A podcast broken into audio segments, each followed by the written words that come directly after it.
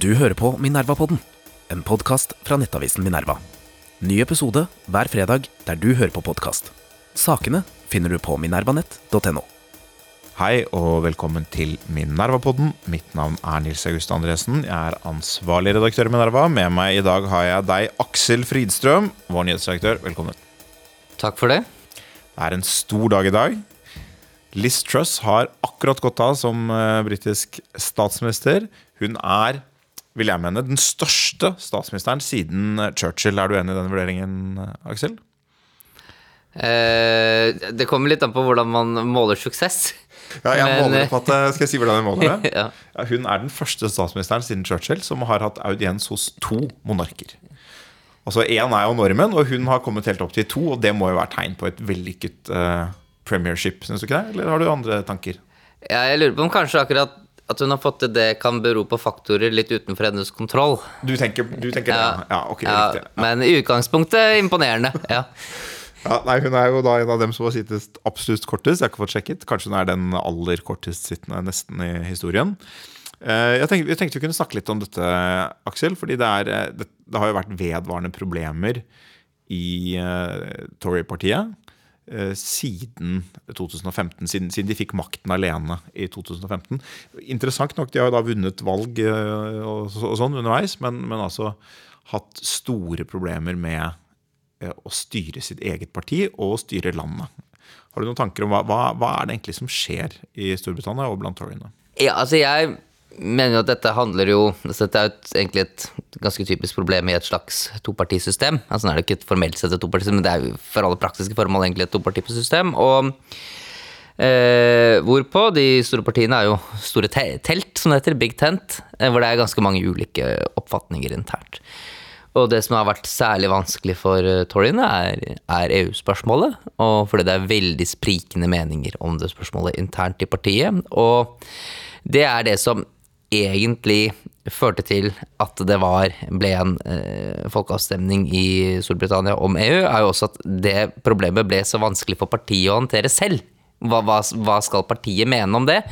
Og det eneste kompromisset som de medlemmene i det partiet kunne leve med, det var å delegere det til noen andre med en, med en folkeavstemning. For du kunne verken liksom leve med å være enten eksplisitt ja eller nei, så til slutt så ble det det eneste kompromisset. Eh, og så har jo det det i seg selv, utfallet av den folkeavstemningen, skapt følgevirkninger egentlig for hvem som er, har makten i det partiet, og også da igjen også hvordan Storbritannia blir styrt. Det var jo David Cameron som uh, satte dette spørsmålet til folkeavstemning. Han var jo Remain, altså EU-vennlig, relativt sett EU-vennlig. Eh, og han tapte en avstemning og gikk av.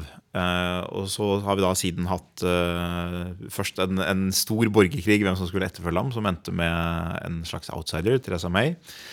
Og så Boris Johnson, og så da Liz Truss.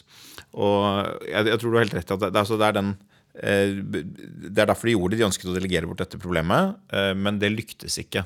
Og det var egentlig forutsigbart, og mange som hadde sagt det, mange som også forutså det og sa det på forhånd, at EU, altså brexit, det er ikke en hendelse, men det er en, eh, en prosess. En ganske lang eh, prosess som også på en måte har ødeleggende virkning for britisk politikk.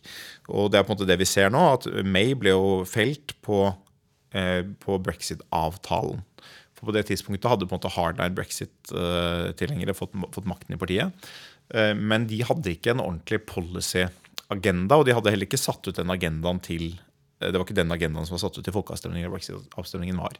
Så man har sittet med masse uløste problemer, eller problemer som til dels ikke ordentlig kan løses, sånn som det vanskelige Nord-Irland-spørsmålet, som skaper nye problemer hele veien. Og så har man en del sånn, en del sånn retorikk fra brexit-avstemningen, som også Liz Truss kom inn på i sin avskjedstale, eller sin veldig korte statement utenfor Downing Street eh, i dag. Hvor hun sa at eh, de skulle gå til valg på en low tax eh, vision for global Britain. eh, og benytte seg av frihetene etter brexit.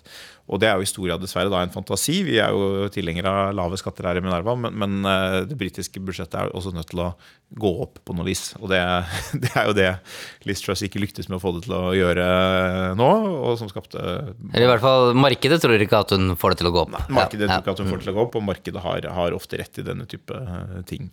Så hvis du skal kutte, så må du også kunne kutte utgifter, og det er ikke alltid like lett.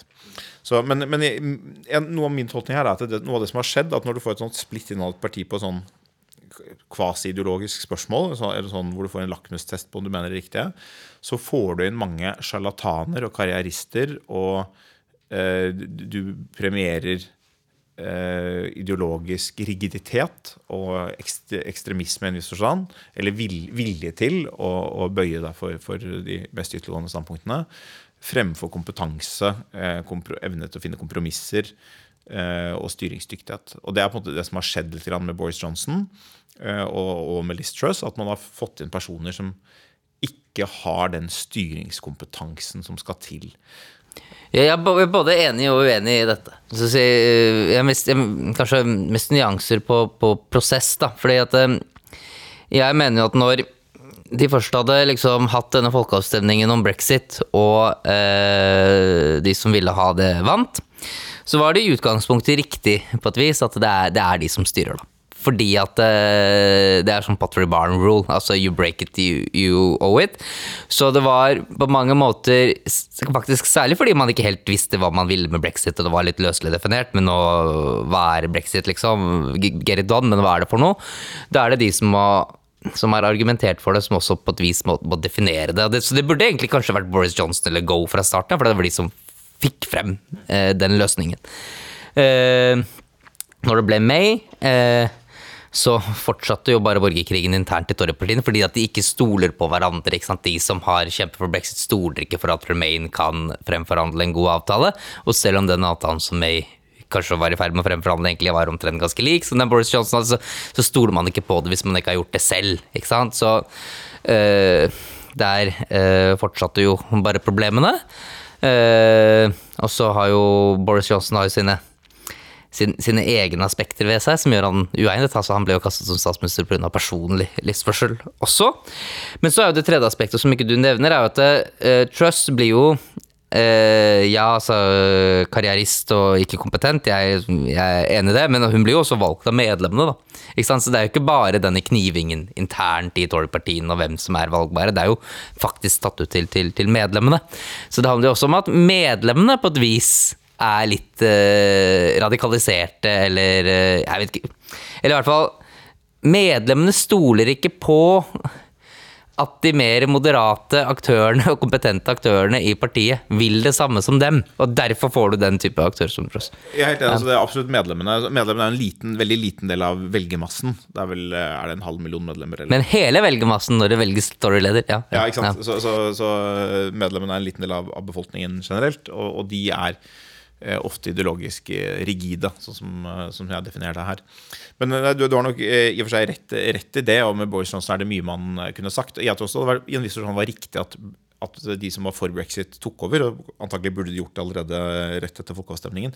Utfordringen var selvfølgelig at de hadde ikke noe program. Ikke Utfordringen med, med, brexit sånn som det skjedde, var at man hadde en idé, brexit, som idé, og satte ideen ut på folkeavstemning. Og det er en dårlig løsning. Det var ikke en det var ikke klart hva som skulle skje, eller hva man mente med brexit. Og det var ingen enighet om det blant dem som hadde stemt for brexit. Og det var heller ingen enighet om det blant de toryene som både hadde ansvar for det. Og de problemene dukket jo umiddelbart opp og gjorde at ingen egentlig ville ta ansvar for det som måtte bli en avtale. Og det var hele problemet både for meg og for Boris Johnson. at Det fantes ikke noen avtale med EU som de syntes var god. Eh, og man løste det ved å glatte over eh, de, de punktene som, En del uklarheter som man, som man, visste ville skape problemer. Et av dem gjenstår med full kraft i dag, og det er Nord-Irland-problemet. Enten, enten så må du ha åpen grense mot EU, være en del av det indre marked, eller så må du ha en hard grense i Irskhavet, som selvfølgelig bryter med den britiske statens enhet i en viss forstand, og på sikt truer med å, kippe Nord-Irland eh, ut av Storbritannia og inn i Irland. Det kan jo bli resultatet. Så det er et sånn uløst problem som man aldri hadde tenkt ordentlig gjennom, ikke, i hvert fall ikke funnet noen løsning på før man satte spørsmålet til folkeavstemning. Og det er jo ganske, ganske stort problem. Nå ser vi at det, har skjedd mye med britisk økonomi de siste seks årene. Eh, jeg har ikke verifisert alle tallene, men jeg så en, en eller annen britisk MP som la ut at man har gått fra omtrent 90% av tysk BNP til 75 eller noe sånt. Her er det selvfølgelig litt valutakurseffekter og sånn inne, inne, i bildet, men, men uh, ting har gått ganske dårlig i Storbritannia i seks år. Det viser hvordan en ganske små ganske marginale hendelser i en viss forstand, eller beslutninger, at, at Cameron til slutt bestemte seg for å sette altså at Først at Toryene vant valget med rent flertall, eget flertall i 2015, etter først å ha hatt en koalisjon med eh, liberaldemokratene, Libdems. Dems. deretter valgte å sette ut på folkeavstemning. At det deretter ble et knapt flertall for brexit. Og så har man på en måte fått hele denne dette kaoset som har dominert britisk politikk.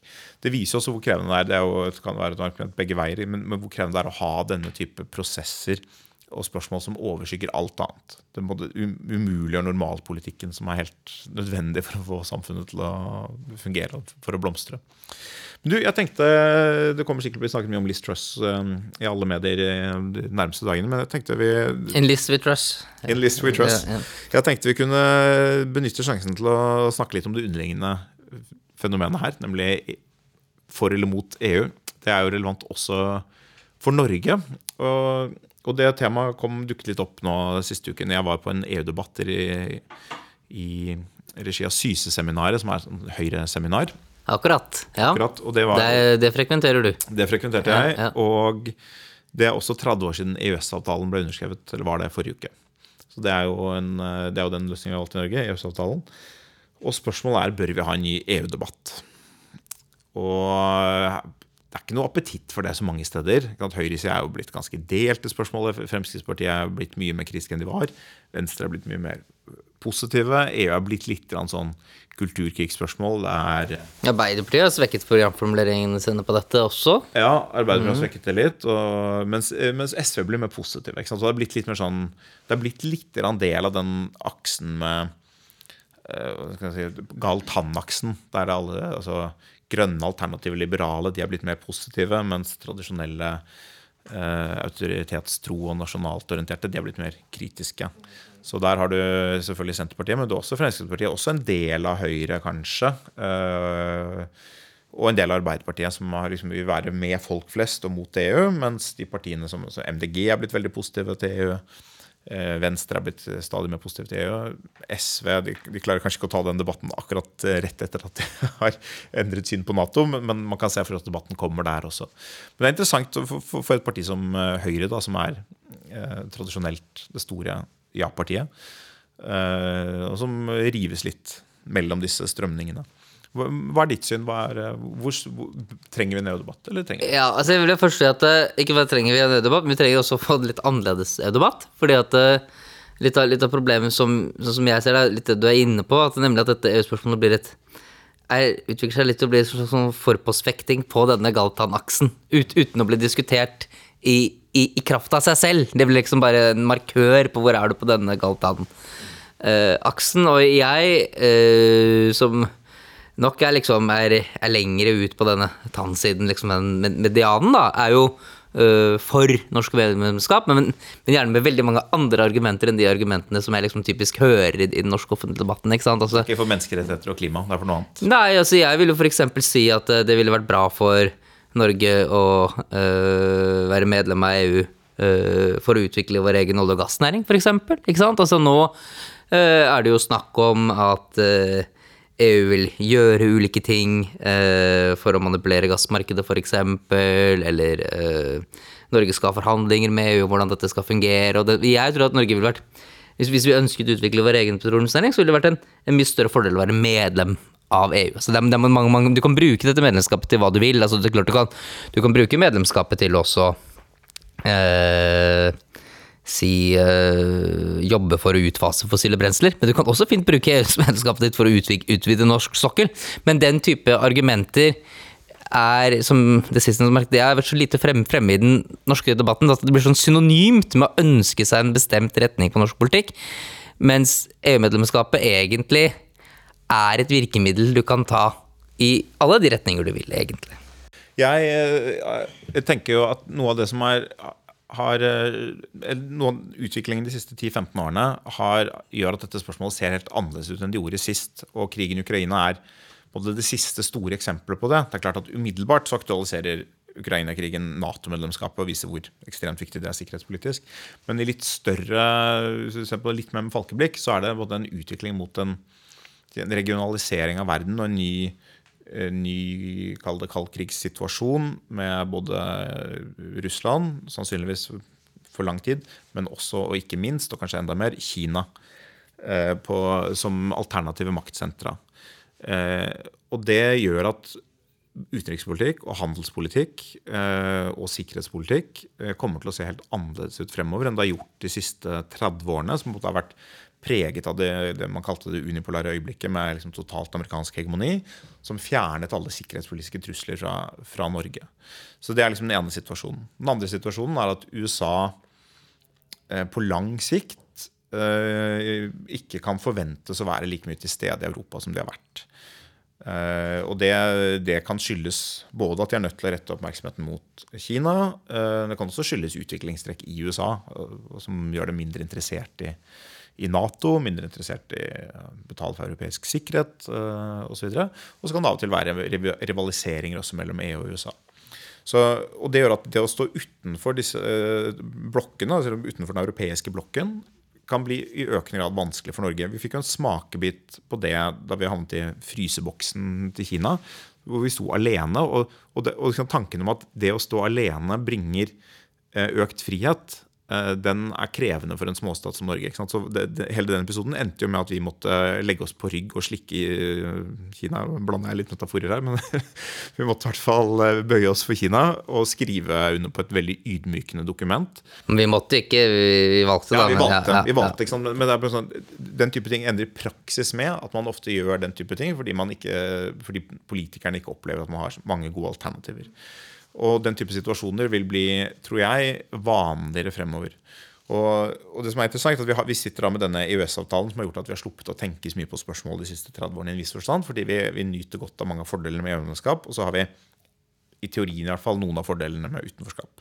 Mest i teorien, mener jeg, men, men det er nå i hvert fall der.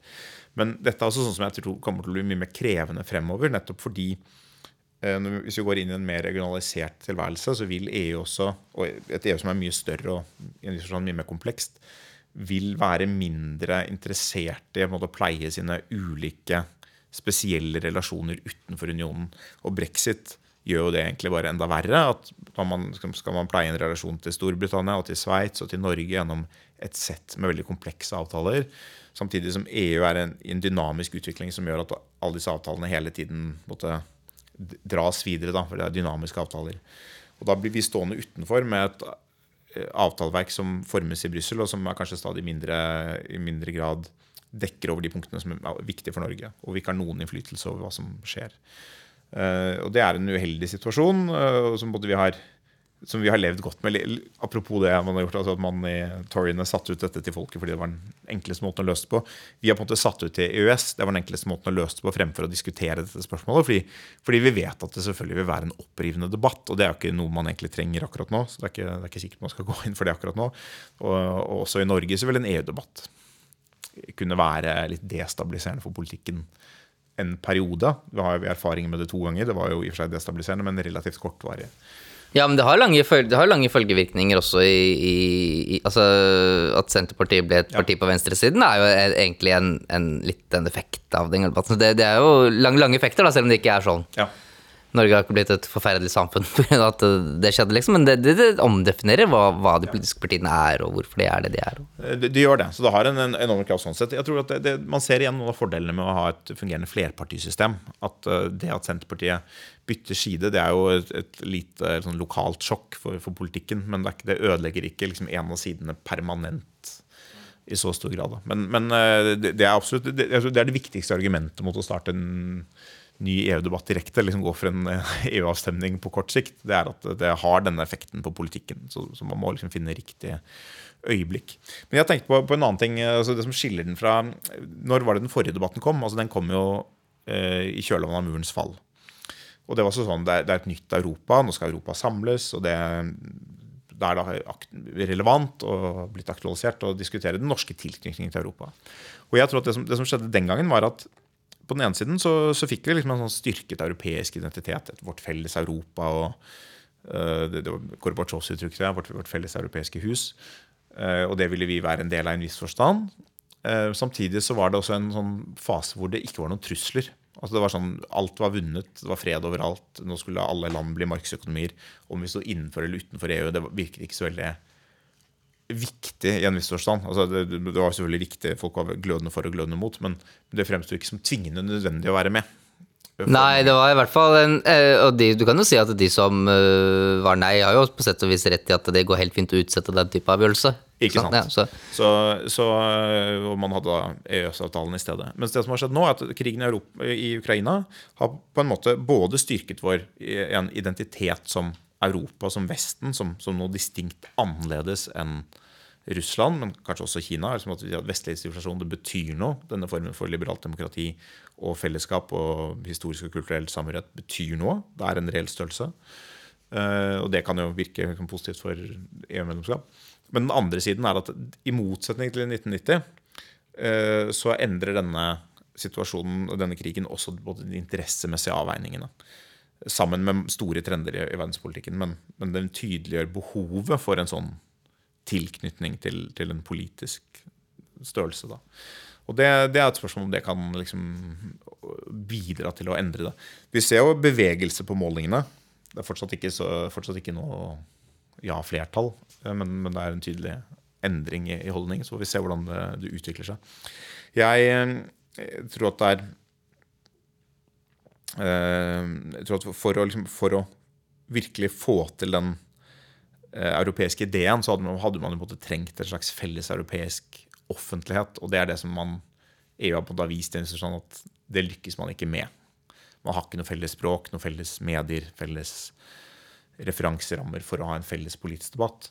Eh, ja, og det er jo mange ting i EU som heller ikke fungerer altså EU-kritikere det er mange ting som heller ikke fungerer spesielt godt, nettopp fordi at den type identitet ikke Ja, ikke sant? Og, og det, er, det, er, masse ting som jeg tror uh, jeg skulle si, derfor Det er noe av det som holder igjen den følelsen av at dette er et vellykket prosjekt. det er at uh, det, det, har ikke den automatiske legitimiteten som en politisk enhet kanskje burde ha. Og så er det en norsk følelse at EU har levert dårlig på mange områder, eller skapt problemer for Norge. Eh, noe av det mener jeg kanskje ikke er helt reelt, og no, noe av det er kanskje reelt, men litt irrelevant. altså det er sånn som, eh, Jeg tror Norge følte f.eks. flyktningkrisen da den kom, så følte jeg at nå er det mye kaos i Europa. Og så til slutt så tok Norge vi tok noen grep, vi stengte noen grenser mot Storskog, og så fikk vi kontroll. Det var nasjonal politikk som gjaldt. Det er jo Det er forståelig at man opplevde det sånn. Jeg tror nok det er feil. da, Altså Flyktningkrisen fant sin avslutning da EU inngikk en avtale med Tyrkia om kontroll av grensene. Det var sånn den situasjonen sluttet. Det hadde selvfølgelig noe å si at Norge måtte håndtere sin situasjon med Russland, men, men det var sånn den krisen sluttet. Og så er det Litt samme korona var en sånn opplevelse av at Norge håndterte dette veldig bra. Kaos i Europa. Det var delvis sant, men det var bare snakk om nasjonale altså, tiltak og etterlevelse og kanskje litt befolkningsstruktur og demografi og sånn. Men eh, vaksinespørsmålet, som jo lenge ble brukt som sånn EU gjør det så dårlig, det viste seg å være veldig vellykket at Norge var koblet på EU. Hadde vi ikke vært det Du kan si Vi klarte oss da gjennom EØS-avtalen og den særegne tilknytningen vi hadde, men, men hadde vi ikke fått det, innpasset, så ville vi jo kunne ta ganske store problemer. Sånn som land som Australia og New Zealand illustrerer. ikke sant? Ja, altså mest, mest sannsynlig så ville man jo endt opp som noe rundt Canada eller Australia. Ja. Mest sannsynlig. Mest sannsynlig. Så vi fikk i hvert fall et godt til bredt tilbud av ulike vaksiner. Vi var heldige som slapp å bare sitte der med AstraZeneca. Altså, det er sånn illustrasjon på det. det er mange sånne kriser de siste ti årene hvor Norge har følt at vi har lykkes og EU har ikke lykkes.